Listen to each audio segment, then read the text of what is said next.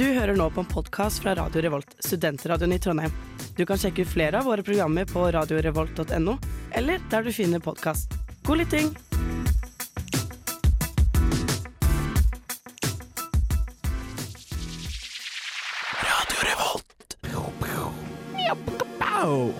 Velkommen til en ny heftig episode av Nerdeprat.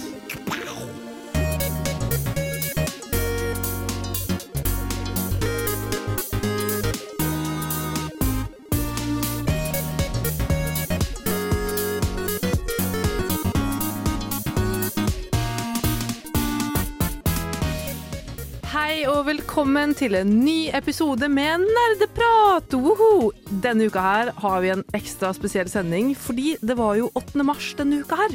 Så derfor, selvfølgelig, skal vi snakke om det og kvinner. Men ikke bare det, vi skal snakke om anime og kvinner. Og kvinnesyn i anime. I fjor snakket vi om alle damene i spill. Nå tar vi den enda mer problematiske ruta med digg kvinner i anime, som ja, vi kommer tilbake til hvordan de blir sett på. Det er viktig å huske på at eh, kvinnedagen ikke bare er en hyllest til kvinner, det er også eh, for, ment for å problematisere kritikkverdige forhold. Yes. Tusen takk, Håkon. Det stemmer. Jeg heter Oksana, og jeg er deres programleder i dag. Og med meg i studio har jeg med meg Håkon, som du nettopp hørte. Lars Martin. Og Bård. og Bård. Vi starter som regel med vårt vanlige innsjekk etter at vi har hørt Amazon av Can.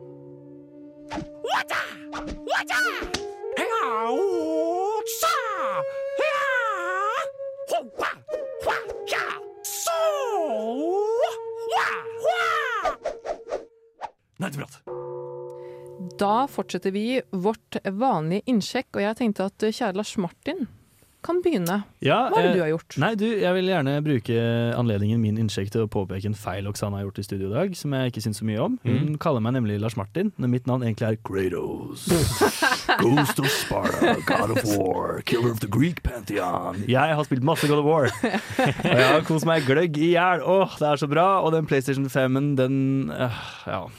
Hvorfor skaffe seg partner når man kan ha PlayStation 5? Ja, men altså, Jeg ble nesten litt sur eh, da jeg spilte gjennom basically hele God of War Ragnarok på PlayStation 4 for å se lastetiden på PlayStation 5 etterpå, da jeg spilte postgame på Spinnvilt. Ja, Helt latterlig, og Helt det ser så sykt bra ut òg. Og det er så deilig følelse, og vet du hva? Selv om den ser ut som en varmeovn, den PlayStation, og den derre wonky ass kontrolleren, så er det ganske godt å spille med den. Altså. Den Ja. ligger godt i hånda, Ja, ja. og det føles bra. Eh, Varmer konsollen også veldig godt? Ja. Vi har faktisk to varmeovner.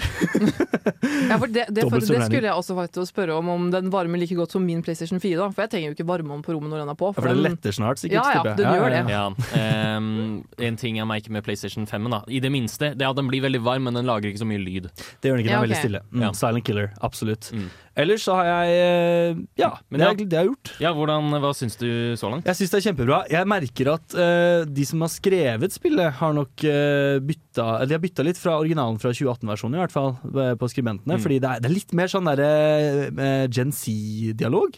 Ja. De er litt mer sånn Vet du hva? Ja, Det, det er helt, du har helt rett, Ja. faktisk. det er kjemperart. Det er, Men hvordan da? Det er, ikke, det er jo ikke Corey Balrog som er han som har skrevet The God of War 2018. Han er jo ikke med på God of War Ragnarok. Ok. Mm. Men det er jo mer sånn derre liksom Nesten litt sånn snappy one-liners til tider. Kan være på grensa til å være litt Marvel-y av og til, og da blir det sånn øh, men, eh, men det redder seg inn, da. Så sykt. Men vil Det- det si at liksom, dialogen da blir mindre ikonisk i Ragnarok enn fra det fra 2018? Nei, ikke nødvendigvis. Altså, jeg har ikke spilt uh, gjennom alt, men det har kommet hittil. Så sånn, for hvert sånn litt cringy øyeblikk, så er det fem veldig fine inderlige øyeblikk som jeg syns er fine. Så, ja. ja. Også veldig mange av linjene er faktisk genuint morsomme. Ja, det er Eh, sant. det, det er en uh, linje som du definitivt kommer til å høre etter hvert. Men som refererer til eh, hitsuksessen PlayStation Allstars Battle Royale. oh, ja. Som var Sony sitt forsøk på en Smash-plattformer. Ja. Eller, ja.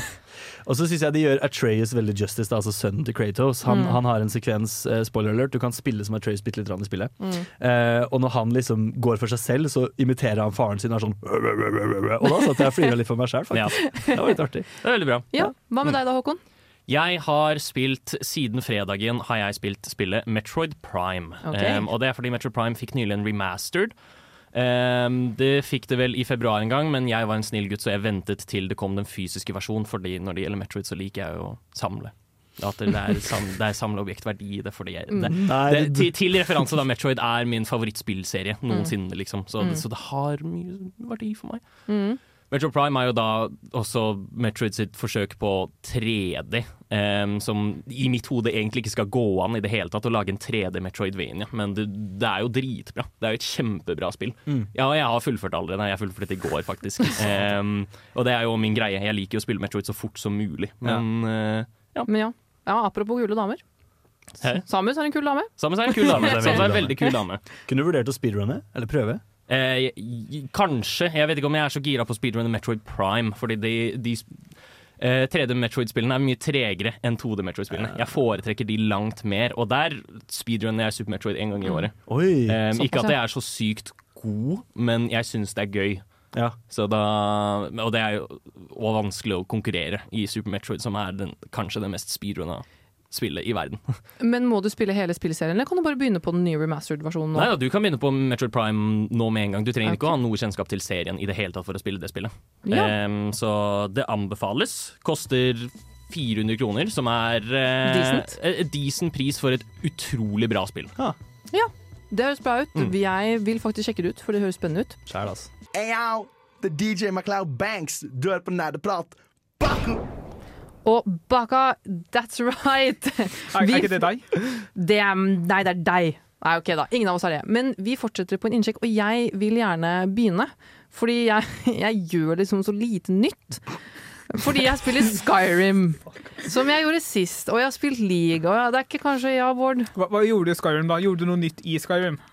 Nei. Nei. Altså, jeg går jo Nå har jeg akkurat blitt med i The Thieves Guild. Ja. For, for hvor, hvor mange ganger? Er du sneak archer? Eh, ja, det er jeg faktisk. Mime lager seg selv. Nei, men jeg Har du, du har ikke jeg, lyst til å prøve en ny spillestil en gang, da? Hva om du prøver Illusion Magic? Fire mage. Nå, ja, men, ja, men jeg har jo alltid Eller vært OK, hear me out, two-handed. Oh, Har noen noen gang brukt two-handed våpen? Light armor Nei, two-handed. men, liksom, men jeg er alltid Jeg, jeg, å si, jeg er litt sånn Jeg er så, på en måte litt sånn potet. da. Jeg gjør mye forskjellig. Det er ikke sånn at jeg bare går rundt med pil og bue og bare sniker meg rundt. Jeg går jo også two-handed. Jeg går jo går jo også med én destruction spell og én conjuration spell eller en Fett. restoration spell. Altså Jeg liker på en måte å endre litt på det, men det jeg føler meg mest sikker på, er jo bare å snike. Og så bare pil og bue, one-shotte, og så bare gå videre.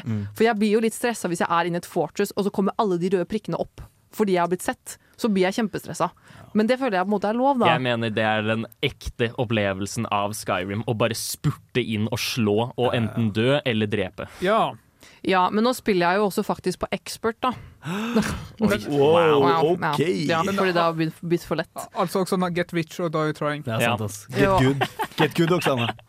Men jeg var i hvert fall veldig fornøyd med å bli med i Thieves Guild, for det er egentlig, det er egentlig bare to på en måte, storylines jeg er interessert i, og det er Thieves Guild og Dark Brotherhood. Eh, resten er litt sånn ja ja, få ta den, sånn, den main questen helt til slutt, for den er liksom ikke så veldig interessant, syns jeg.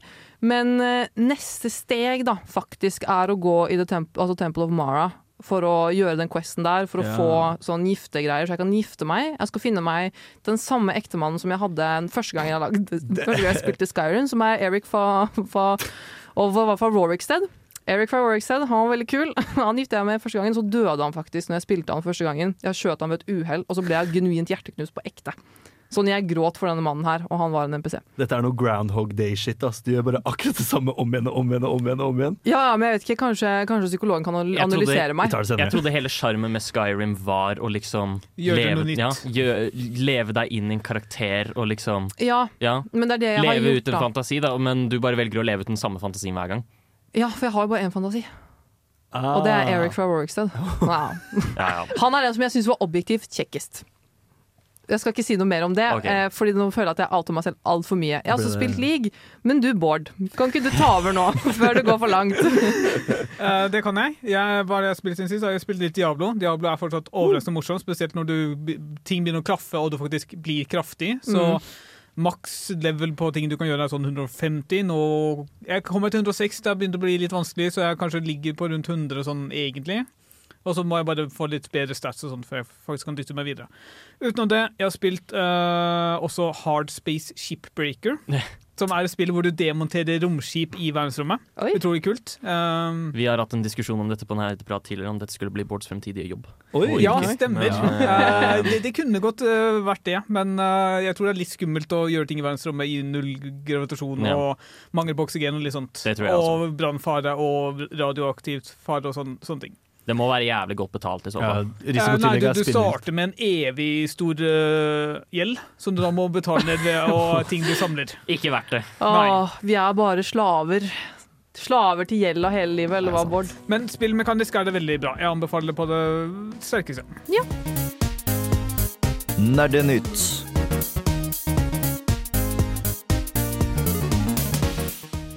Og velkommen til Nerdeprat. Og vi har som alltid nerdenytt, for det skjer masse i spillens verden, i spill, spillenes verden. Og vi har en, eh, en eh, nyhetsanker. Nyhetsanker Bård. Hva skjer? skjer? Ja, det er, det er, ikke, det er ikke så mye som tyder sånn mye egentlig. siste. Eh, den tingen i hvert fall jeg kommer på som var ganske stort i MMO-miljøet. Uh, for de som ikke vet, uh, Riot jobber på sitt eget MMO. Eh, der har, blant, eh, der har Greg, Greg Street, også kalt Ghostcrawler, ledet eh, an. mm, det er jo verdt å nevne at Riot Altså De holder på med sin egen MMO, men de holder på med veldig mange andre spill også. Mm. Um, sånn som at de holder på med en liten type sånn 8-bit uh, er 8-bit uh, beat em up-aktig spill som heter The Mage Seeker, som handler om Silas fra League of Legends mm. og sånne type ting. Men ja, MMO er vel kanskje det største de har iverksatt nå. Ja, og han eh, Greg, altså Ghostcrawler, som har ledet prosjektet jeg vet ikke helt hvor lenge, siden han, han var jo opprinnelig Blizzard, ledet uh, noe greier i World of Warcraft, og nå gikk over til Riot for å lede MO og har gjort en, det virker som han har gjort en ganske god jobb der, men nå har han bestemt seg for å trekke seg av personlige årsaker, i hvert fall det han sier. Mm. Men så klart er det jo folk som spekulerer i at det kanskje bare er eh, en unnskyldning, og at prosjektet kanskje ikke går så bra. Av personlige årsaker er jo en veldig vag statement. Ja, det han, kan han bety hva som sier at uh, han har hatt noe, en del personlige tap siste året, og derfor vil komme nærmere uh, familien. da. Ja, Det er jo naturlig. Det, Det er veldig det forståelig. Men altså, min, min første tanke er jo med en gang hva har Riot gjort? Sorry, liksom. Ja, Ja, ja. altså, nå, nå leser jeg også at Han har vært der i ni år, og jeg det har jo nesten ikke hørt noe som helst om det MMO-et på de Har ni de laget denne MMO-en i ni år? Han har, uh, Ghostcrawler har vært ni år i Riot. Om det har vært ni år med MMO, eller om det har vært andre ting også, det vet jeg ikke. Mm. Men ja, ni år er ganske lenge å være ansatt et sted uten å Jeg vet ikke helt hva han har gjort i de ni årene. Det er et veldig godt uh, spørsmål. Ja. Det, akkurat nå, da, så Altså, jeg vet ikke om jeg skal si at det spøker for Riots MMO, men eh, det kan hende det ikke blir så bra som det kunne blitt. Nei. Men MMO er jo også en merkelig sjanger. Uh, Ja. Ting har floppa før med av mindre grunner enn det. Mm. Ja, jeg håper å si alltid sånn eh, Altså, eh, ja, nei. Det, det at Ryan lag, Riot laget MMO er ikke noen sånn ting jeg gleder meg til, og jeg føler ikke det er mange som gleder seg til det heller, fordi league-spillere er som, ikke, som regel ikke MMO-spillere. Beklager. Og jeg, jeg Så avanserte er vi ikke. Altså Selv om Legendary Terra er et bra design og spill, så vet jeg ikke helt om det faktisk fikk så mange spillere at Nei. det Fordi ja, det er et kult konsept at det er et kortspill uh, gitt i league-universet, men hva så? Folk, Ja. folk spiller league fordi de er avhengig av league, og hva skal jeg si Giften liksom gjør det avhengig. Mm. Halveringstiden på league er helt sjuk, ass. Ja. To-tre år. Men Men hva ja. med lag mer Arcane? Lag mer Arcane! Ja, de gjør kanskje det Ja, også. please, Sesong to er vel på vei, men når kommer den? Hvem vet? Nei, vet du hva? Men det kan de faktisk bruke lang tid på, for det må være like bra som Ja. den første sesongen. Spør Six meg. Jeg, seasons jeg, movie. jeg setter bare pris på at Riot gjør mer ting med det spennende universet de har laget, enn Word. League of Legends. Ja. True. Det er bra. Ja. Mm. Noen andre nyheter, Bård? Ja, uh, visstnok så kommer det et Counter-Strike 2, og det skal være rett rundt hjørnet. Uh, det er litt interessant, fordi Counter-Strike Global Offensive kom ut i sånn type 2014, tror jeg. Så det er liksom åtte år siden forrige spill. Men spillet har holdt seg bra også, så jeg skjønner ikke helt hvorfor, hvorfor kommer det nå. Ja, men Har de sagt, sagt noe om hva nytt som kommer Ja, Hva skiller Counter-Strike 2 fra er dette, er dette en Overwatch 2-oppgradering? Ja, eller sant? er det et Det spill? er ikke så mye informasjon om akkurat uh, nå. Men uh, det er jo, blir jo interessant å se da, om de bare liksom sier at ok, vi trenger ny motor og sånne ting. Eller om det bare er type ok, vi vil modernisere spillereglene litt, eksempel, sånne ting, og hvordan spillet fungerer. Det er vanskelig å si. Tittelen er egentlig Counter-Strike 2, parentes 142, 2142 og Counter-Strike er i framtiden. Det er det som er gimmicken. Battlefield style. Jeg syns jo for øvrig det her egentlig er et litt smart avgjørelse, fordi det er fortsatt veldig veldig mange som spiller Counter-Strike. Um, og hvis de får til Counter-Strike 2, så betyr jo det at det, det egentlig bare kan bli Ja. Altså, det, det, man merker jo kanskje at det spillet er litt utdatert, og det har forbedringspotensial. Oh, ja. Så det er Mm. liksom det, det, er, det er ikke den dårligste tingen å gjøre, men det er litt interessant at det skjer nå, ikke type for tre år siden, eller Mm. sånne ting. Mm. Og det er jo, Tidligere så har jo eh, Counter-Strike vært knyttet opp til Half-Life-utgivelser, men det har ikke kommet noen Half-Life-utgivelse siden Rip. Source. Nei, er det noe kjø Jo, uh, vi kan nevne dette med The Last of Us bare kjapt avslutningsvis. Mm. Fantastiske seertall. Ti av ti. Ohayo, minisan, konnichiwa. Du hører på Nerdeprat, nja-nja. På Radio Revolt, desene. Uvu.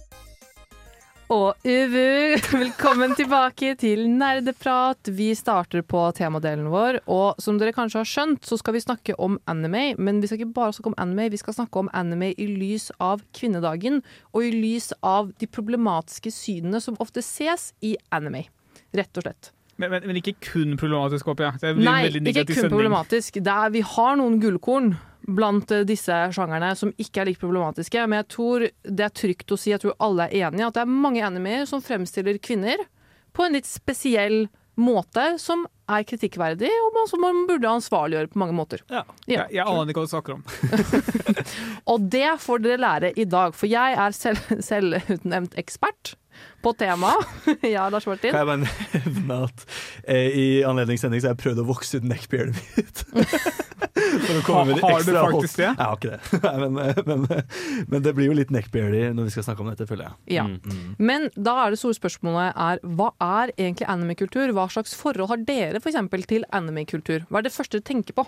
Jeg, jeg kan jo bare si umiddelbart at eh, jeg ser ikke så mye på anime. Jeg har sett, jeg tror, fire stykk. Mm. eh, hvor, eh, hvor tre av de er shonen. Ikke sant? Eh, fordi jeg tenker, hvorfor i alle dager skal du ha liksom nyansert eh, karakterdybde når du kan ha store, barske menn som powerer opp? Ja. Um, og det er sjukt at jeg sier det i anledning eh, kvinnedagen, men um, altså det, det betyr ikke at kvinner ikke kan være barske og power up, de også, tenker Mm. jeg da. Eh, det er bare det jeg syns har vært gøy, men det, jeg kan ikke så mye om det.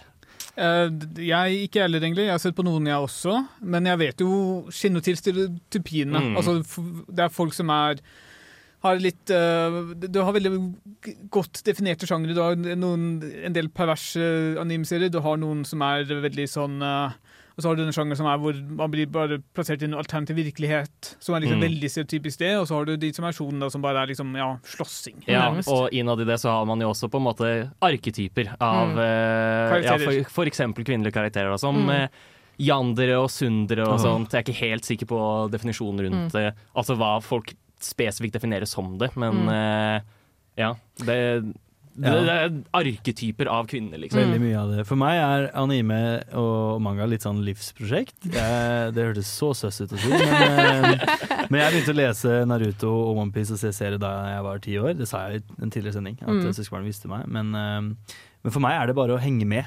Spesielt Mm. Onepiece, som bare aldri slutter. Det begynte jeg å lese da jeg var 11, og nå er jeg 26, fyller 27, og jeg leser det fortsatt ukentlig. Kom ut Mm. nytt chapter nå nettopp, faktisk. Eh, apropos OnePiece, jeg har hørt av en venn av meg at uh, puppene til noen av karakterene bare vokser gradvis oh. med serien. Bård, det det? kalles character development. det er helt riktig, og øh, jeg, har, jeg syns OnePiece er en av de beste narrativene som er skapt. Det er en av de beste verdenene som er skapt. Men måten forfatteren Oda skriver dame på, er helt forkastelig.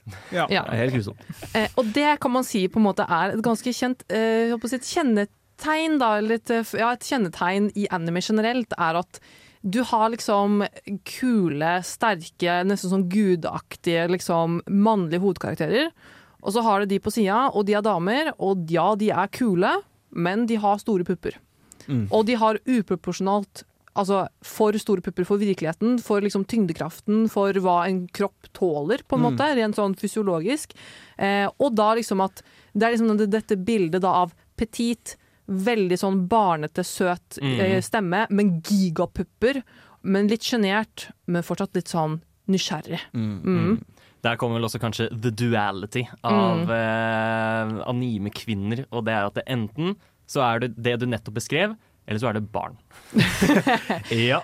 Eh, Ja, nei, eh, og tilbake til OnePiece. Noen av disse kvinnene kunne jo ikke eksistert i virkeligheten. Fordi midje til pupperatioen er jo bare De, de hadde knokket. Ja. Ja, men også det som Håkon nevnte i sted, det også vil jeg også påpeke at en ting som er også ganske stort i, i, i anime-kulturen eller verden, er jo dette med liksom lolly. Med, som er i seg selv veldig merkelig, spør du meg. Og det betyr altså bare at du har en kvinnekarakter, hun ser ut som en barn, men hun er 5000 år gammel, og derfor er det ålreit å runke til det. Eh, og det vil jeg bare si nå med en gang, det er ikke greit. Det er ikke greit. Det er ikke greit. Slutt med det. Det er rart, og søk hjelp. Det, det, men men det, er på en måte, det er på en måte vanskelig å si hvorfor det er sånn, da. Hvorfor på en måte, dette synet, om dette har noe med liksom, japansk historikk å gjøre, eller om dette har noe med hvilke type seere de har. Hva som, altså Sexceller, ja. Altså vestlige, vestlige mm, tegneserier og animasjoner er ikke noe jævlig mye bedre. Den industrielle revolusjonen og dens konsekvenser, føler jeg dette er. Ja. sånn faktisk. Det er eh, det som eh, er verdt å påpeke da, bare med dette Mm. Denne introen her er jo at det, er noe problematisk kvinnesynet i animer generelt. Å ja da. Ganske så det, fordi eh, veldig mye karakterer som baserer seg på utseende Mm. eller liksom en, hva skal man si, irriterende eh, vikende personlighet. Mm. Og jeg, med denne sendingen her, hensikten min er å ikke gjøre, gi noen skam. Det er helt greit å like store ME-pupper, men jeg vil bare bevisstgjøre deg litt. Mm. Bra. Og dere skal høre masse om ulike sjangre, om forskjellen, etter vi har hørt en låt. Du lytter til Nerdeprat fra Radio Revolt. You're listening to Nerd Talk from Radio Revolt. Det stemmer, du hører på Nerdeprat på Radio Revolt, og vi fortsetter vår anime kvinnesyn-sending. Eh, og da tenkte jeg det er veldig naturlig å starte med det som er kvinnenes eh, altså sjanger innenfor anime, og det er chojo. Hva er shoujo? Jeg aner ikke. Det er direkte oversatt til girl comics. det, er, Ikke sant. det, vil jeg, det jeg vil kalle det for motparten til shonen. Eh, Hva er det som karakteriserer den? Eh, det er som regel da liksom at det skal på en måte være litt motsatt av shonen, selv om det likevel er action, men det er mer basert på dette med kjærlighetshistorier, med litt sånn romcom-vri, litt sånn dramatikk, men også litt action. Ok, så det Når du sier motparten til shonen, Ja. så mener du ikke en direkte motpart? Nei, da mener jeg liksom at det er, altså target audience er jenter, Ja. mens shonen er på en måte target audience gutter, for det er comics for boys. Yeah, elsker å se Goku Power Up for 15 000 gang. Men er, er liksom lig, Hvor mye slåssing er det, hvor mye romcom Det kommer er det? helt an på animen, fordi, eller i mangaen. Fordi generelt, alle, mange av disse sjangerne, både liksom chojo og slice of life, og på en måte, de går veldig inn i hverandre. Men hele på en måte, poenget med, det, med, det, med denne type sjangeren er at den er på en måte Romansen veier litt mer da enn en sykt sterk biceps. Åssen er det med female gaze i den uh, sjangeren? Er Det kommer også an på animeen ok. okay. og mangaen.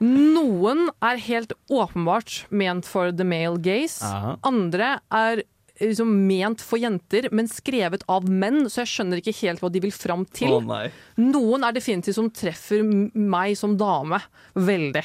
Jeg er veldig fan, personlig veldig fan av denne sjangeren, for jeg liker romanse. Jeg liker sånn overdreven kjærlighet. Er de flinke til å skrive gode kvinnelige karakterer også? Eller er de, hender det ofte at de kvinnene kanskje ikke er så veldig godt skrevet likevel, og så fokuserer de på kanskje den mannlige romantiske interessen de har? Eh, jeg vil si ja. Ja. Det kommer an på, men i all hovedsak så er det en veldig stereotypi innenfor den sjangeren også, som i, er litt sånn eh. Mm. For hva, mine venner, hva er en godt skrevet kvinnelig karakter? Det må vi finne ut av, for det skal vi snakke masse om senere. i Det skal vi snakke om masse om senere, fordi Ja. det er ikke relevant når vi snakker om chojo. Nei!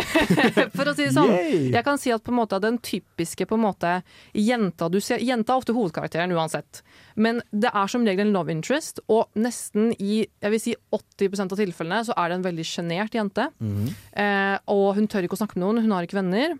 Og så møter hun en fyr som gjerne er litt populær eller sterk eller whatever, og de blir stormforelsket i hverandre.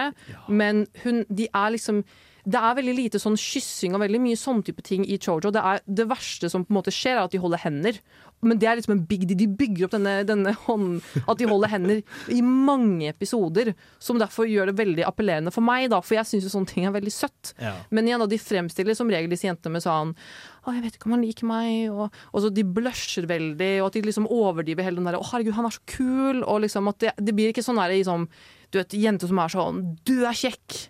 Jeg liker deg!' Liksom som meg, ikke sant? som er sånn 'Come on, boy, let's go home'. For her har vi en overlapp mellom Vesten og Japan på mange Mm. måter. For dette er jo en trope i vestlig Mm. film og media òg. Vi har jo snakket, eh, eller jeg nevnte så kort før låt, um, noen av disse arketypene av karakterer. Liksom. For Mhm. eksempel en uh, Yandere eller Sundere som Mm. gjerne oppfører seg sånn herre Nei, det er ikke sånn at jeg liker deg eller noe, altså. Mm. Uh, er du helt dum, eller? Eh, er det mye av det i shoujo? Er det Eh, kanskje det kommer igjen veldig an på. Men ja, som regel, ja. Jeg, kan, jeg tenkte å nevne et par um, kjente chojo veldig kjapt. Uh, en av de heter Vampire Night, og den er ganske gammel, så jeg bare sier noe, jeg kommer til å spoile, og dere kommer ikke til å se det. Jeg vet at dere kommer ikke til å like det, så, jeg kommer til, å- så derfor sier jeg til dere òg. Men det handler basically bare om Det finnes en skole der halvparten av skolen er vampyrer, halvparten er vanlige folk. Oh, yeah. uh. Vampyrskolen er på natta, vanligskolen er på dagen. Det er én jente som sånn å, mystisk er adoptert av liksom vaktmesteren eller rektoren eller hva han er. Og så er hun, er hun er en av de som går og rydder ofte på kvelden, og da møter mange av disse vampyrene. Ja. Og da har hun da en romanse, altså det her bygger seg opp veldig sakte da, men en romanse da med en av de på en måte kuleste i vampyrklubben. Eh, og nå kommer spoileren, så viser det seg at det er broren hennes. Eh, Men det går bra, fordi de er forelska. Og jeg så det her typ da jeg var tolv, og jeg var helt sånn wow, liksom. Pass, pass, pass. Ja, men og han groomer Nå i, i voksen alder så jeg har innsett at det her var veldig sånn Han groomet henne veldig, ga henne gaver, var veldig sånn snill. Det var liksom en annen gutt da som var normal, da, men han var veldig traumatisert. da Han var også forelsket i henne, men hun valgte han, da, for det var hennes bloodline. Fordi hun kommer fra en sånn syk bloodline med vampyrer, og derfor skal de liksom være kjærester. Det er ganske problematisk, om du spør meg. Ja, eh, og sånn er det ofte. Eh, bare veldig, veldig veldig kjapt. Så det finnes gode chojo der ute. Jeg vil bare med en gang nevne Fena eh, Pirate Princess, som er en av mine favoritter. Hun blir også redda av en sterk og kjekk fyr. Men han er veldig kjekk, så det går bra. Og det er en veldig pen Nei, jeg tuller. Jeg vil, tuller. Er annen vil, vil påpeke at denne her, det, dette er en sjanger skapt for kvinner. Ja, Noen appellerer veldig til deg, mens andre får deg til å være sånn øh, Det er broren hennes. Det Kanskje er ikke min greie, ass. Ja, kanskje ikke. Ikke fuck med meg! Jeg har kraften til Gud og nerdepappa på min side. Men hæ?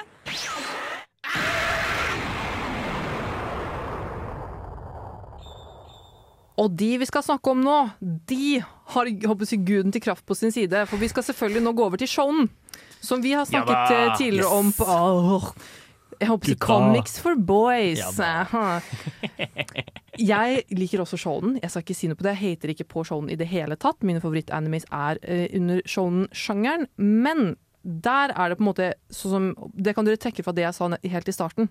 Er at dette er i all hovedsak gutter som er sterke. Litt for sterke. Litt sånn god, eh, liksom Guds eh, evner. Men så er det noen kvinner der òg. Det er barske menn, eh, all, i all hovedsak barske menn som er barske, og de er sterke, og de ser veldig kule ut, og så blir de sterkere, Mm. og så skyter de ting.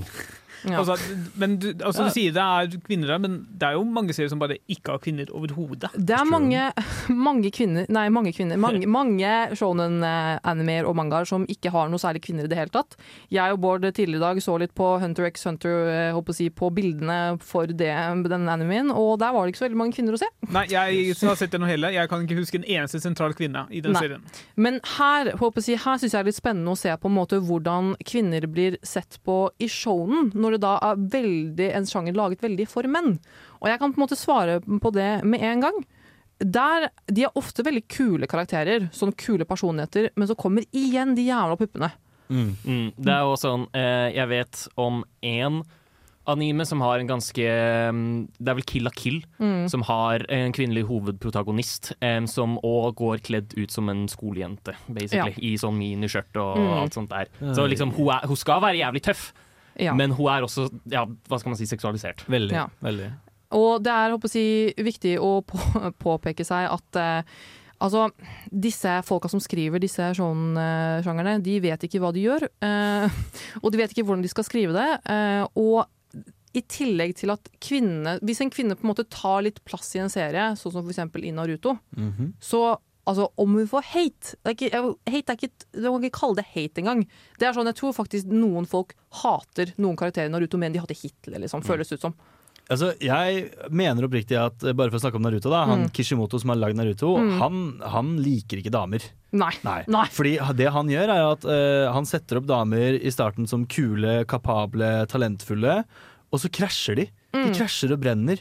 Sakura, Sunade, Ino. Alle Mm. disse damene de bare krasjer og brenner Mm. helt og blir helt irrelevante i historien fordi de er damer og de er emosjonelle, og det syns jeg er helt sjukt. Mm. Det høres ikke ut som noen veldig godt skrevne karakterer i det hele tatt. Nei. Men før jeg rakker ned for mye, så vil jeg bare Vi må nevne at det finnes noe sånn der ute som virkelig har skrevet damene sine. Altså Attack on Titan. Ja Eh, altså sånn både håper å si Mikasa og Hanji og håper å si Annie og Bortsett fra Gabi. Eh, bare skrevet Der er det på en måte Det handler jeg, altså jeg, har aldri, aldri lagt merke til på en måte hvordan de har for designet kroppen Mm, deres. det det, for det er på en måte helt irrelevant, fordi de er skrevet på, så god må, på en så god måte. Og en av de sterkeste håper å si, folka i Attack on Titan, bortsett fra Air, men det telles ikke fra Titan, er jo Annie og Mikasa. Nettopp. nettopp. Og Hanji-san, som er på en måte veldig tydelig presentert som på en en av de smartere Mm. karakterene i serien. Da, og at de på en måte tar over litt. Altså, jeg må bare gi en shout-out til Siyama for det. Fordi at de har virkelig altså sånn, Jeg har aldri på en måte sett en anime og tenkt sånn Her finner jeg liksom ikke noe problematisk nå med tanke på kvinner Nei, og kvinnesyn. Men så er det andre som Seven Deadly Sins. Jeg vet ikke om dere har sett det. Det er Nei. helt forferdelig. Jeg har også lyst til å bare peke spotlightet litt mot uh, Jeg syns Jojo's Bizarre Adventure er veldig veldig gøy der, fordi um, part 1 til 5 har så å si ikke-eksisterende kvinnelige karakterer, mm. eller som liksom faller inn i stereotyper. Og så kommer part 6, hvor dattera til Jotaro, Jolene, er protagonisten, og hun Mm. er um, Hun er på en måte veldig kul. Uh, og hun, hun ser veldig fashionable ut, uh, Mm. men det er jo alle karakterene i Jojo. Em, så det er på en måte ikke noe seksualisert der. Og hun oppfører seg som en realistisk person for å være i en shonen anime. Mm. Som jeg syns, ja, og jeg syns jo det er på en måte det viktige. Det er, det er sånn Mm. det skal være når man representerer ja. Mm. Altså Shonen er jo kampbasert veldig ofte. Det handler om Mm. kjemping. Så en, et måleinstrument vi kan bruke for å sjekke om kvinnene våre er relevante, er vinner de kamper, A, og B, er, er kampene av relevans. ikke sant? Mm. Jeg vil si for eksempel, Dette var vi litt uenige om før sending, så det er gøy, men Full Metal Alchemist Brotherhood Mm. har et par kvinnelige karakterer. De vinner, og de vinner viktige kamper. Mm. Og de vinner ikke bare fordi de er super saiyan mektige, men de vinner fordi de er lure og tenker og liksom Men der igjen har du Mm. disse puppene som alltid kommer tilbake. Mm. Ja. Uh, mitt problem med de kvinnelige karakterene i filmen Alchemist er at de er veldig sporadiske. De er veldig, de er veldig lokalisert. Mm. Uh, jeg, jeg skulle gjerne ønske at det var én kvinnelig karakter som, fulgte, som du fulgte gjennom hele serien, og ikke bare det var Sorry, jeg hosta litt. Du følger jo ikke henne i Hun er med, serien. hun er med, Bård. Hun er med masse. Se den på nytt. Men ja, for også å påpeke en siste ting. Alle som liker anime, har sett Demon Slayer. En utrolig bra anime og manga. Frem til ett punkt. Den tolv år gamle jenta Nezuko hun kan vokse. Og når hun da vokser opp og, altså opp og i bredden, holdt jeg på å si, så vokser puppene òg. Og de blir enorme. Fordi Og hun, ha-ha, tihi. men hun er Leggene hennes blir jævlig massive, det òg. Hun, blir- hun blir jævlig strong i tillegg. Men det er ikke sånn det ser ut når du benker mye, ass. Hvorfor kan det ikke bare være kule? Ja, er ikke det nok? Og kan det for en gangs skyld være en hovedperson? Faen, ass. Mm. Haha, du aktiverte nettopp mitt trap card. Nå er du nødt til å høre på nerdeprat til episoden er ferdig. Nani?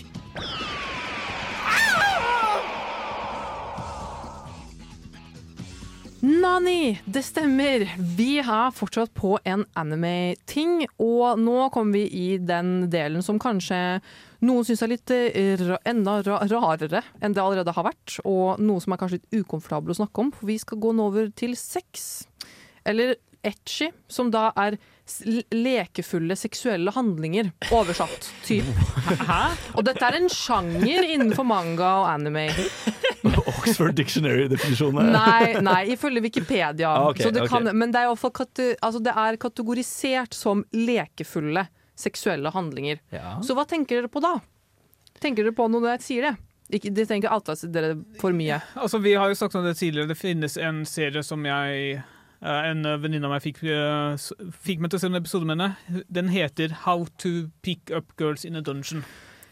hvor uh, hovedpersonen uh, er, eh, er altså type lignende personer, Monster Hunter, lignende ting, går i en hule og skal jakte fiender, og der konkurrerer han med en kjærlighetsinteresse som sikkert også har megapupper, jeg husker ikke engang. Ja, det har hun. Uh, og, men ved siden av han, så har liksom, fordi det er gammeldags, så, så har familien en slags beskytter. Og det er også en kvinne med megapupper. Ja. Uh, som det, han da lever med, og som ikke De har jo ikke noe sex, og det er liksom ikke så vidt Av det så hadde de ikke noe sex, men de, det er veldig mye uh, Hva skal jeg si uh, Lettkleddhet. Altså, det, det jeg håper jeg vil at etchy du kommer, du kommer aldri til å se sex i etchi, men du ser eh, altså teasing, Mm. typ. At de på en måte bygger det opp til det, men det kommer alltid til å skje. Og sånn som i, i sitt eh, Ja, den du nevnte i sted, Ja. langt navn. Eh, der er det det at hun der beskytteren hans er jo også litt forelsket i han, ikke sant. Og hun Mm. har på seg en sånn liten drakt, hun kan typ fly. Hun ser ut som hun er liksom tolv sånn rent sånn fysiologisk, liksom, med megapupper. Og hun kan liksom finne på sånn Prøve liksom å forføre han litt, da. Og han er litt sånn sjenert og litt sånn quirky type, liksom. Hun kan typ sånn legge liksom seg selv på et bord, og puppene skviser seg, og så glinser det litt, så er det sånn rødme på puppene, og så blir han, så blir han sånn oh, oh, ikke sant? Så blir han litt ekstra nervøs, og så blir det sånn klein stemning Men at det på en måte er litt sånn kontinuerlig teasing, da. Og der, ja, der er kvinnene veldig frempå, men pro altså, det hadde ikke vært et problem hvis de bare ikke hadde vært liksom utstyrt som tolvåringer med megapupper. For hva appellerer det her til i et publikum? Hva er det vi på en måte, Hvilke psykologiske er det- mekanismer er det vi tar Tror du det er et vanskelig spørsmål å svare på? Må gjerne svare. Nei. Bård, Altså, de, de, mest sannsynlig bare den kvinnelige kropp, Ja. rett og slett. Easy, Ja, easy. men Men, det er jo noe lett å runke til, tenker jeg. Ja, men det, det som er spennende, er det er teasen. Ikke sant? Det er det Mm. å ikke få se som, Mm. er, eh, som er spennende. Og det er jo veldig sterk kontrast til f.eks. pornokultur, hvor du ser alt hele tiden. Mm. Så det er interessant at det har blitt så populært.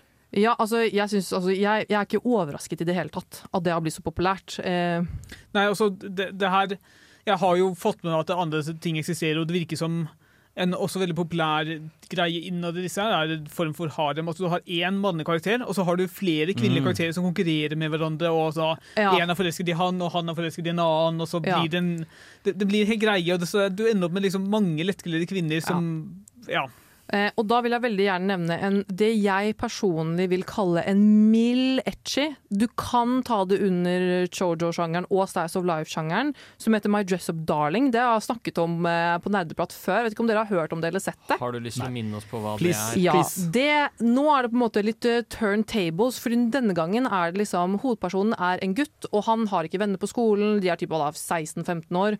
Eh, han driver, han jobber i familiebedriften som da lager japanske dokker, sånne tradisjonelle japanske dokker. Og han er liksom går bare hjem, syr de dokkene, har ingen venner, bla, bla, bla. Og så er det den mest populære jenta på skolen som legger merke til at han er jævlig god til å sy. Og hun er egentlig veldig veldig weeb. Altså de, de sier hun er liksom glad i anime, så hun er sånn Herregud, du er så flink til å sy, kan ikke du begynne å sy cosplays til meg?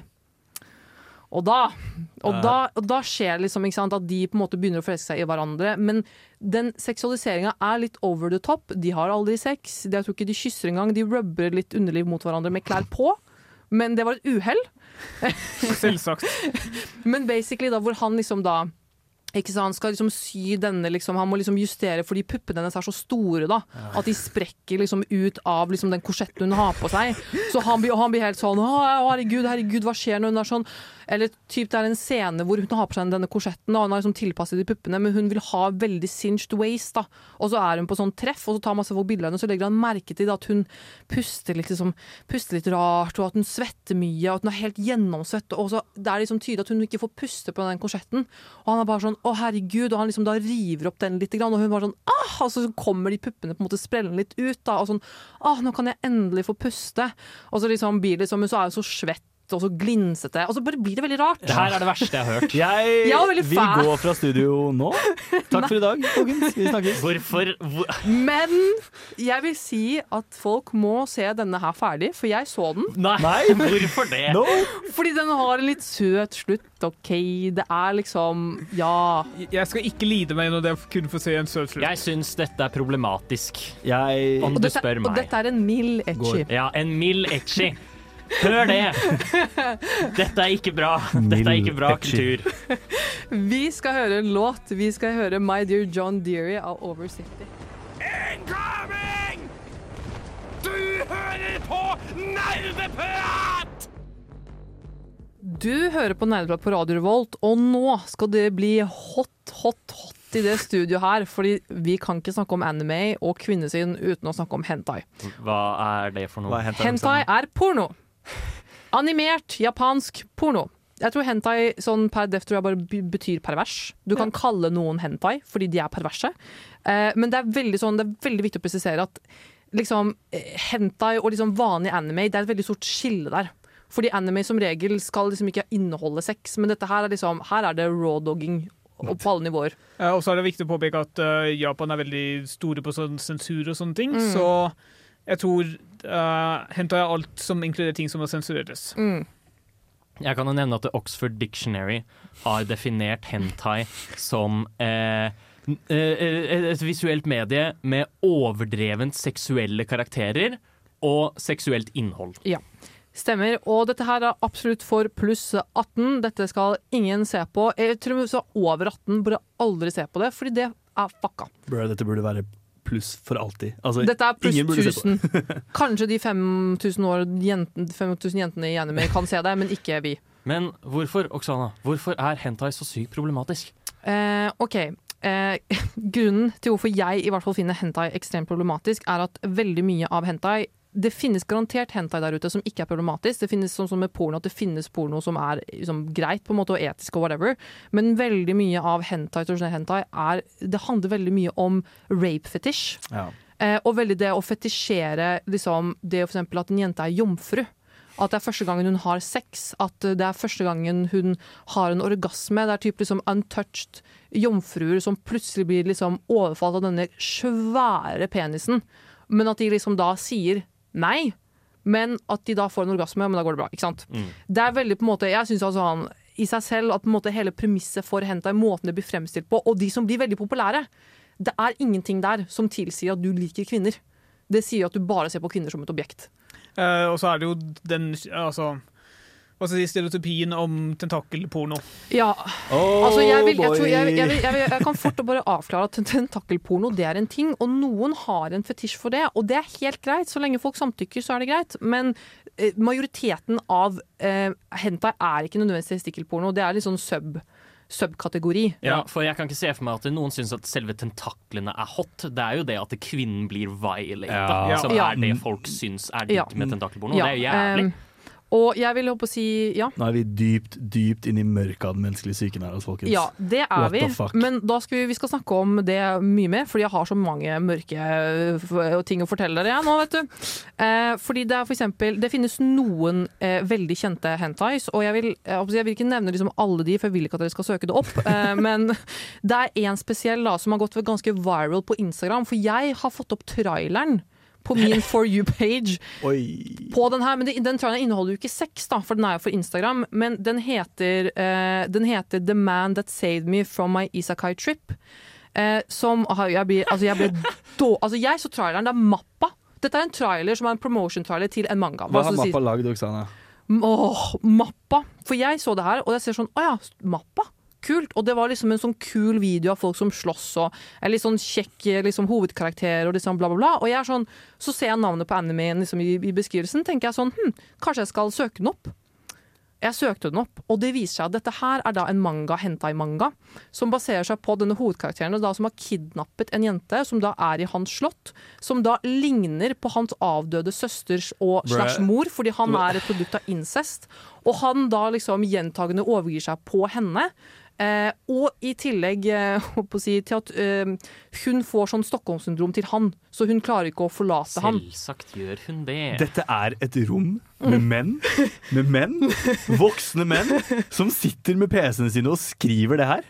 Ja, og, men, Hva? men det er sånn én ting om dette. Å, det her er sånn liten ting som Men det her gikk viral. Jeg leser kommentarfeltet på Instagram til, til denne posten her, da, til denne, denne mm, promotional traileren til denne eh, mangaen.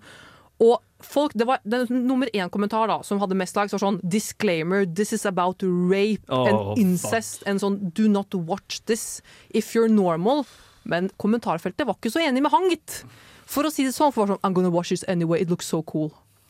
Altså, det er bare sånn det er, var så latterlig. Og jeg husker jeg var sånn jeg er glad. ikke, ja, men jeg, Folk tar jo ikke sånn seriøst i det hele tatt, på en måte. Nei, de gjør jo Um, ikke det. Og det er det som er jeg, så jeg føler hvis, hvis det står en disclaimer for rape, Mm. Hvorfor i helvete vurderer du det i det hele Ja, tatt? men sånn, dette igjen liksom sånn Dette føler jeg på en måte Denne hentaien, eller hentai-mangaen, er veldig targeta for menn. Absolutt ikke for noen damer. For jeg har ikke lyst til å se den i det hele tatt. Jeg som dame Jeg syns det er jævlig fælt å se sånne ting. Mm. Eh, og at det, på en måte, den spiller på den her Dette er en shonen-hentai. Det, okay. det er liksom samme at det er en kul han, er, han går i krig, han går i kamp, han slåss, han, han gjør kule stunts. Derfor jeg, jeg så den traileren, var sånn, wow, det så veldig kult ut. Og, og den lagde Altså, animasjonen til denne traileren er bedre enn veldig mange vanlige animer. For mappa, de var sånn let's fucking go. Altså, det at mappa har gjort det her, jeg vet ikke hva jeg skal si engang. Men uh, vet du hva? Hold dere unna hentai. Det finnes garant Finn noe som er etisk. Det er greit å like det, men det er mye fucka. Noe som har bedre kvinnesyn enn å normalisere vold. Ja, Ja, ja, please. please, Please, please, ikke gjør det. Så vet du hva? Hentai får en minus en uendelig av Minus 100 000 milliarder. Jepp. Hva er det du liker best ved studentradioen? Jeg hører alltid på studentradioen.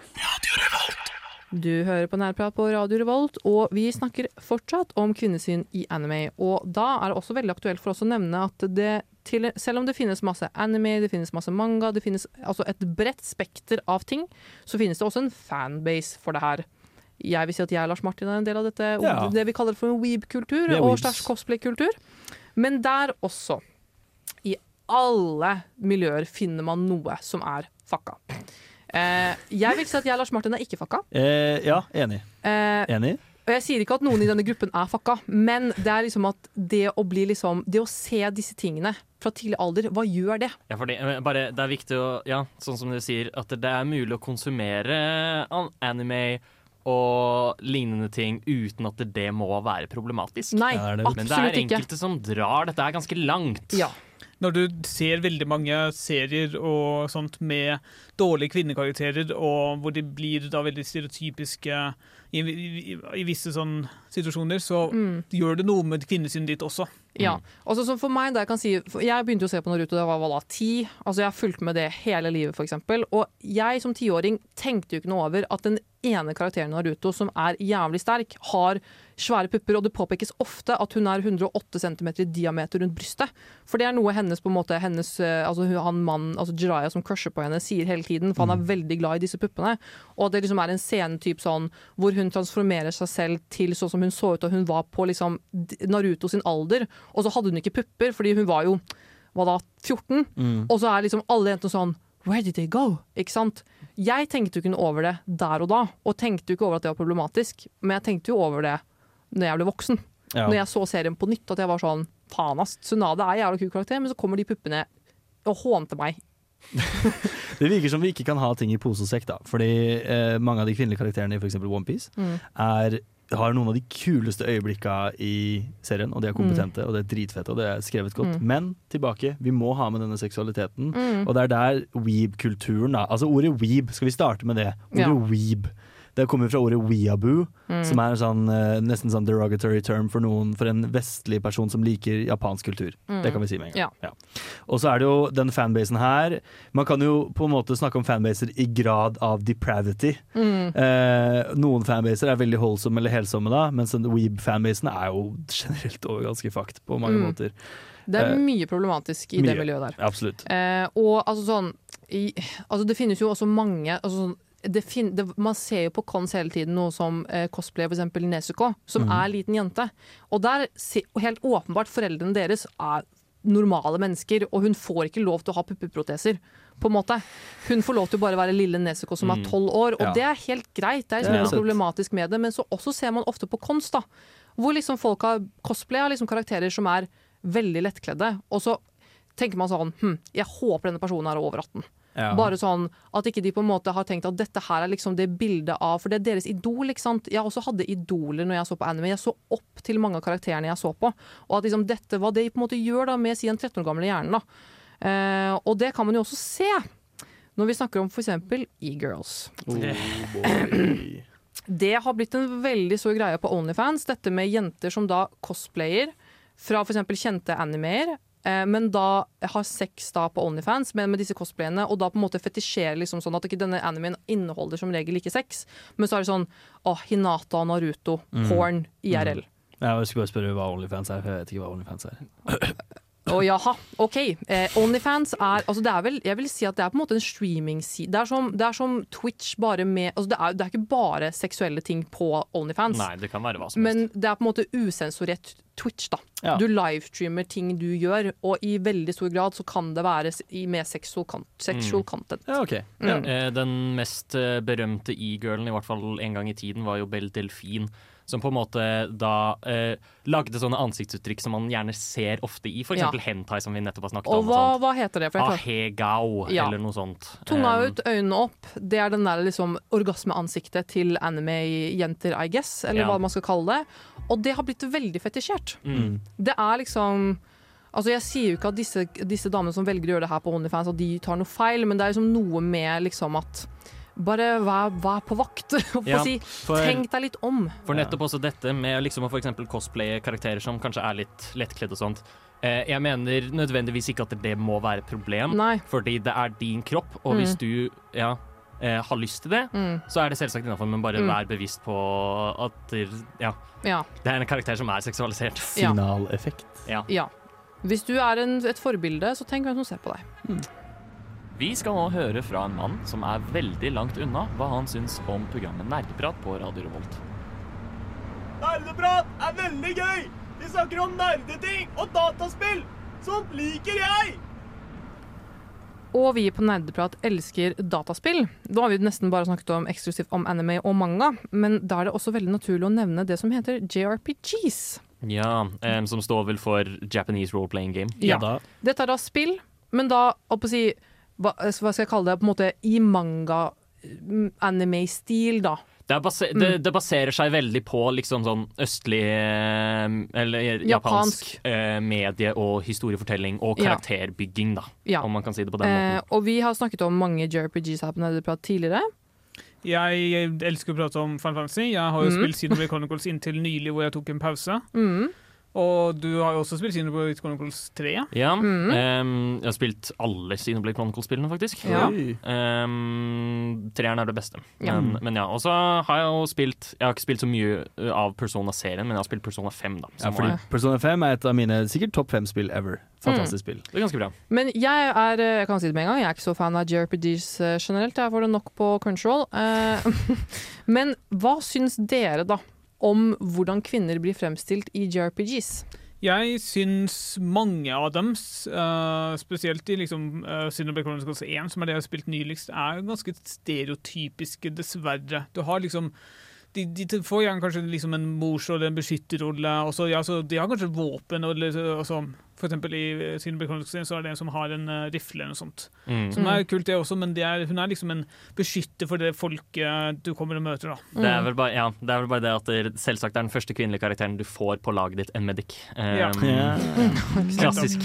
Ja, fordi, eh, For å snakke fra perspektivet av det jeg har spilt mest, så er jo det Fire Emblem, Three Houses, som jeg aldri kommer til å slutte å snakke om på denne, dette showet, og Persona 5. Og der har du kvinnelige karakterer som er bra skrevet, de er kapable, men de faller i den designfella som vi har snakka om så mye i dag. Mm. Altså Det handler om uh, midje og pupper hele veien, på en måte. Selv, om, selv om det som skjer med de er veldig spennende og engasjerende, så blir det mye av Det virker som om de bruker det virkemidlet for å selge det, på en måte. Mm. Det er veldig rart kontrast når de har så godt skrevne karakterer, og så på en måte Um, altså, det, Jeg vil ikke si at det, he, he, he, all, all den verdien blir frarøvet av Absolutt ikke. karakterdesignet, Absolutt ikke. men man, man man klarer Mm, nesten ikke å ja. unngå det, liksom. Heldigvis i Xenoblade så er det ikke det samme problemet, men jeg merker jo også at veldig mange av disse spillene så er det tvunget hvilken Altså hovedkarakteren er en påtvunget person. Mm. Gjerne mann. Altså jeg, jeg, Nesten alle kommer på her og nå, så er det en mann som du spiller som. Selv om du kan bytte ut og lage party til å være liksom hvem som helst, så er Mm. det liksom en mann du starter som, og som da kanskje blir omringet av noen kvinner, hvis du ønsker det. Men eh, Mm. Det er liksom et designproblem at hele historien blir fortalt utover mannens syn, da. Mm. Som jeg ikke sier synes noe særlig om. Altså, uh, Rent estetisk sett, da, så har du mange av disse JRPG-ene så har du sånne battle armors og sånn òg. Og Mm. der har, du, der Ja. har du et vestlig problem òg, da, men der har du det med liksom Dette er en armor, og så er 70% av kroppen ikke dekka til. Mm. Det er eh, et standardproblem i Monster Hunter-serien. Eller liksom et gigantisk problem, og det er at du har denne svære gigafuckings Brickhouse-shit-rustningen til mennene. Mm. og så eh, går du til kvinnen, og så har de halvparten av den rustningen. Ja. um, og, og, og aldri, aldri en hjelm som dekker hele ansiktet, fordi du må kunne se ansiktet. Ja, ja, ja. så. Og sånt er utrolig frustrerende, Fordi Ja. hvorfor kan ikke Altså det, jeg vet ikke, det tar ut av realismen, og det er bare for at vi skal kunne se hud holdt jeg på å si, til Ja. denne kvinnelige karakteren. Og Så da, det blir med andre ord ikke noe bedre i JRPGs. altså, de, de, jeg vil si at veldig mange JRPGs eh, kan ha gode kvinnelige karakterer. Mm. eh, og det er også sånn Enkelte vil jo kanskje ta det litt andre veier. Altså, Vi nevnte Fine Fancy. Tifa Lockhart em, er en ganske berømt karakter fordi hun hun er veldig seksualisert i antrekk, men spillestilen hennes er at hun går og banker folk med nevene sine, liksom. Og så er hun, hun er dum brød, liksom. Hun er brødhue. Um, men strong-hardy og slåss med hendene, liksom. I Final Fantasy 10 så har du en uh, karakter, Riki, som er veldig stereotypisk, men så har du for eksempel å, nå husker jeg hva hun heter, hun som er Black Mage. Hun, er også, hun har ikke så veldig mye plott, men hun er liksom en sterk og hengig kvinne, som jeg liker. I Persona 5 så har du en dame som har opplevd mye trakassering pga. kjønnet sitt, og som Mm. bruker det til sin fordel når hun slåss. Mm. Det er veldig kult. Mm. Ja. Det er, så, så det er definitivt mye bra karakterer der. Det er bare seksualisering. Ja. Ja. Det er et problem. But why though? Puppene hånter oss alltid. Ja. Åh, jeg elsker League of Legends. Det er så mange fine skins. Hva syns du om League of Legends? Hva faen er det du snakker om? På 30-tallet ble kidsa radikalisert av fascisme. Nå blir de bare radikalisert av League of Legends! Nerdprat gir deg den harde sannheten. Og Nerdeprat skal gi deg den harde sannheten nå. Fordi at, vet du hva, dette her har jeg det- Dette er en, et tema som har plaget meg i mange, mange år. Vi skal nemlig ta eh, det jeg kaller for Sakra-debatten. Eh, og for å forklare til, eh, til dere som da ikke har sett på Naruto, dette her er en veldig omstridt debatt. Dette er for seriøst folk har gått ut av vors pga. denne debatten her, fordi det er så heated. Fors du har vært på den, Ja. mener du? Ikke generelt. Eh, For folk som, hvis det er vors med folk som liker Naruto, da. Jeg syns, jeg syns det er vilt å hevde at så mange folk tar denne debatten seriøst. Ja, det er veldig viktig å presisere at det er et veldig stort problem i, lokalisert til sfæren rundt Oksana. Ja. OK, greit. Men uansett. Sakra hun er en av eh, på en måte de, hva skal jeg si, store Fire store store karakterene. Ja, en av de store karakterene i Naruto. Hun er da en av bestevenninnene til Naruto, og hun er i samme team som da Naruto og Sasuke er i. Mm. Eh, og det som debatten går ut på, da, er at folk hater henne. Ja. Altså det er ikke det at de hater henne, de hater henne så sterkt at de liksom eh, Du vet, vært petitions for at eh, hun skal typ dø, eller at på en måte hun har blitt kalt de fæleste, holdt på å si, slursa ever. I anime, og jeg vil si at denne, denne debatten, altså denne hatpen, er helt ufortjent.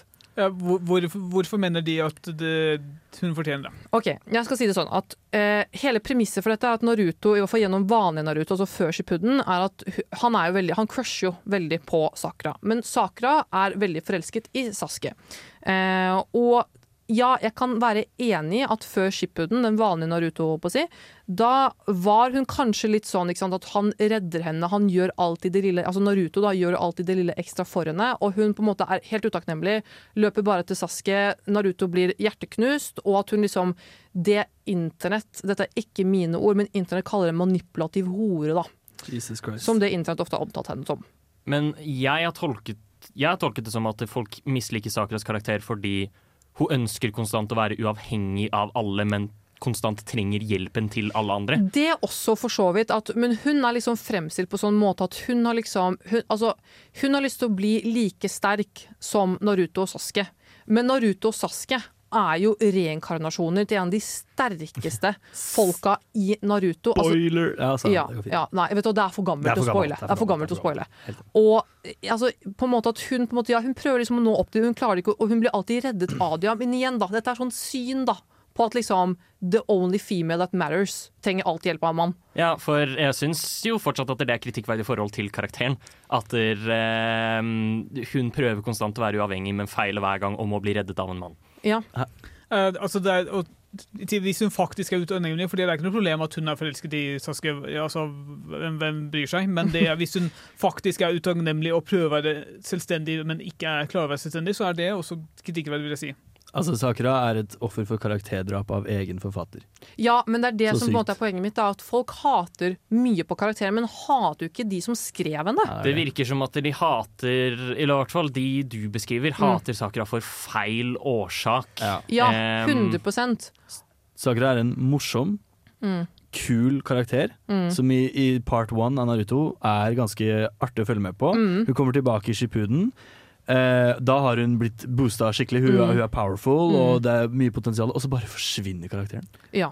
Ha- Har hun også større pupper? Nei, Nei, det, vet du hva? det det her vil jeg også påpeke er at Det blir gjort narr av henne i løpet av serien for at hun ikke har like store pupper som Hinata. Fordi Hinata har tydeligvis de største puppene ever, bortsett fra Tsunade. Men det er på en måte, er litt sånn, det er på en måte sånn liten joke da som går gjennom serien i ny og ny, At de er på sånn public bath, og så ser hun liksom Ja. puppene til Hinata flyte litt opp i vannet, og så begynner hun sånn ah, faen. Liksom, jeg har ikke disse puppene. Men det er ikke fokus på hennes pupper, i hvert fall. Bare fordi de er små. Ikke sant? Ja. Men likevel, da. Jeg vil jo personlig si at denne karakteren her hadde en ekstremt god character development opp til et visst punkt. Ja.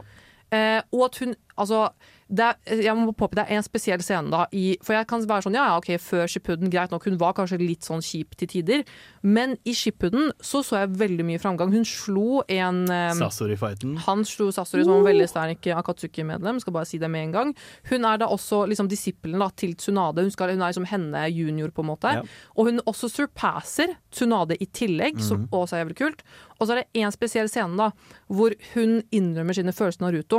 Og at hun gråter, og at liksom 'jeg elsker deg', bla, bla, bla. Og det er fake. Og fy faen Ja, så mye hate. hun fikk for den scenen.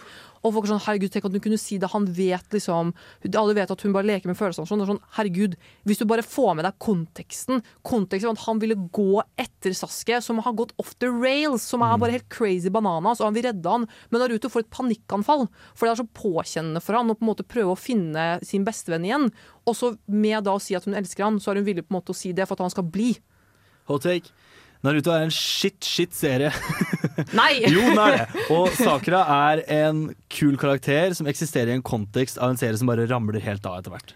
Ja, men jeg vil bare påpeke at ja, karakteren er flawed, men det er ikke karakteren sin feil. Det er de som skrev den, og det tyder veldig Karakteren er skrevet dårlig. dårlig. til tider, og at det, jeg synes dette her grunnlegger seg i veldig basic kvinnehat på at kvinner kan liksom ikke være bedre enn de to hovedpersonene i serien. Nerdeprat gir den harde sannheten. Naruto suger. Uenig! Jeg elsker det fortsatt. Halla, snupper. Vil dere være med og høre på nerdeprat? Ok, her kommer vi. Her kommer vi, og vi begynner jo å nærme oss slutten her. Og da Altså, vi har snakket om mye. Vi har tatt opp mye tematikk, og derfor er jeg på en måte, føler jeg det er viktig på en måte for oss å oppsummere litt da, på hva vi syns om alt det her, da. Ok, Nå som vi har lært ikke-weebene litt mer om weebenes verden, hva syns dere, Håkon og Bård? Hva, vil dere på en måte, hva er på en måte taken fra det vi prøver, hva jeg har prøvd å formidle? da? Eh, Det virker som at i altfor mange tilfeller, ikke alle, men i veldig veldig mange tilfeller, så er mange kvinnelige karakterer kun kropper. Ja. Og det syns jeg ingenting om. Ja, og det virker som at selv om vi har folk som klarer å skrive gode kvinnelige karakterer, så må de ha pupper. Mm. De må ha kroppen der i tillegg, Fordi hvis ikke så er ikke karakteren engasjerende nok. Mm. Eller, altså Det er å legge ord i munnen, da, men Mm. eh, det, er jo, det virker jo nesten litt sånn. Og så er det virket som det er et helt manglende interesse for å gjøre kvinnen til en essensiell del av serien. For eksempel du har uh, Death Note. Ingen relevant kvinnelig karakter som du følger gjennom hele Altså- serien. Du har et, eh, Hunter Hunter, som har- heller har ingen kvinnelig karakter du følger gjennom hele serien. Det, sier, altså, det skal sies at um, Misa fra Death Note har jo faktisk får relevans, ganske stor relevans eh, i handlingen etter hvert. Det forandrer ikke det faktum at Misa er den mest irriterende karakteren i verden. Ja. Og, og, og en av de liksom følger alle de der ekle anime-sundere-tropene, Mm. eller hva det er. Men det store plot-twisten her er jo at uh, dette er jo mange feller Marvel-faller i òg. Har dere noen gang lest Marvel Comics? Nei. Nei, Og det sorry. kan jeg avsløre for dere at er ganske likt mye av manga Ja. og anime. Ja, det er Så store det er- pupper, det er små midjer, det er Mm. fullt seksualisering. Viktig å påpeke at dette her er absolutt ikke et problem i kun japansk kultur. Ja. Dette er et Mm, problem er på verdens verdenskul- Mm. verdensbasis. At uh, vi ser seksualisering både i anime, vi ser det i Marvel, vi ser det sikkert i DC òg. det har ikke noe å si. Alle liker pupper, men de, må bare, de er bare ikke woke nok. Forrige uke, så, eller forrige uke, sier jeg for i fjor, Mm. eh, da vi hadde forrige sendinganledning Kvinnedagen, Mm. så klagde vi om eh, hvor jævlig karakterdesignet til League of Legends er. Fordi for alle kvinner der er definert av at de har tynn midje og store pupper. Mm. Eh, selv var det den ene karakteren som heter Kajsa, Mm. eh, som skal være liksom Hele, hele stikken er at hun har Mm. blitt ett med The Void, og folk kjenner henne ikke igjen fordi hun har blitt monster. og sånt Men Ja. så er hun fullsminka og har en skintight bodysuit og har Ja. pupper, naturligvis. Og de som er i The Void, kommer ut og ser forferdelig ut. Ja. Det er det som også er en av premissene. Mm. Mm, og altså Jeg vil også påpeke at det er absolutt ikke meningen å shame noen. Hvis de typ liker How to Pick Up Girls on a Dragon, eller hva den heter, eller hvis de liker My Dress Up Darling, sånn som jeg, at det er ikke noe skam i det. Du skal ikke skamme deg over ting du liker. Men igjen, du må bare være bevisst på at hvis du er mann, og dame for så vidt, at det er litt det er litt problemer her. Kan vi ikke la damer i media se litt annerledes ut? Mm. Kan vi ikke la de utfolde seg på forskjellige måter? Mm. Må det se likt ut hver gang? Det er også helt lov å like disse her, men, du, men det kan fortsatt være lurt å være bevisst og Mm. anerkjenne at ikke alt med en serie er bra. Selv om du f.eks. liker den overordnede handlingen eller vibben til serien, eller sånt, så kan du fortsatt kritisere dem for f.eks. Mm. dårlig kvinnesyn og Mm. liksom unødvendig seksualisering. og lignende. 100% One Piece. jeg vil jo kanskje si at det er et kulturproblem at det er en så stor overvekt av det. Og selv om Mm. enkeltpersoner kan like det, så er det fortsatt Man skulle gjerne likt å se en endring i kulturen, at det blir mindre normalisert. da. Ja, og at man for så vidt også ser at uh, Altså at eh, Nå mister jeg helt troa på hva jeg skulle si. At uh, dette er et problem. Dette er et problem hele tiden. Det påvirker meg som kvinne fordi jeg får dårlig selvtillit fordi ikke jeg har megapupper. Det påvirker alle guttene håper jeg, at de tenker sånn skal kvinner være. Og at uh, man bare ser at vi er fortsatt Vi er ikke likestilt, ass! Sorry, Max. Dere som mener noe annet. Kom og møt meg, liksom. I will prove you fucking wrong. God 8. mars, dere. God 8. mars. Nerdeprat på Radio Revolt. Og da er vi snart ferdig her på Nerdprat på Radio Revolt. Og det har vært en, si, noen fantastiske si, siste timer, føler jeg. For jeg føler at jeg har lært dere masse. jeg har woket både folk i studio og folk som lytter, og alle, altså uansett hvor du hører denne episoden her, at nå vet dere litt mer. Det er litt flaut at jeg kan så mye, men derfor avslutningsvis så tenkte jeg at vi kunne anbefale noen anime eller JRPGs som vi syns har gode kvinnesyn. Har du noe, Håkon? Det er ikke en JRPG, det er en hack and slash, men jeg kan jo snakke om Bayonetta veldig Ja. kjapt. Fordi det er et Mm. eksempel på eh, hva skal man si, seksualisering done right. Eh, Mm. Fordi eh, Bayonetta er veldig seksualisert. Eh, og hun er veldig sånn cheeky og sånt, men det legger til personligheten hennes. Mm. Så det blir på en måte Det blir en styrke framfor en liksom bare eye candy. Ja. Mm, kult. Ja, og vi er, eh, ja, Ja, Lars Martin. please. Jeg vil eh, anbefale eh, Full Metal Alchemist Brotherhood. Men også Jujutsu Kaisen. Der har du en god kvinnelig karakter Ja. som er fet. Uten at det er for seksualisert. Brotherhood fra meg også. Ja, Og Bård! jeg avslutningsvis, selvfølgelig, jeg anbefaler Attack on Titan! Sasageo! Woohoo! jo Vi skal høre en låt. Vi skal høre 'Swing in a Dream' av Squid. Ha det bra! Du lyttet nettopp til en podkast fra Radio Revolt. For å høre flere av våre podkaster, gå inn på radiorevolt.no.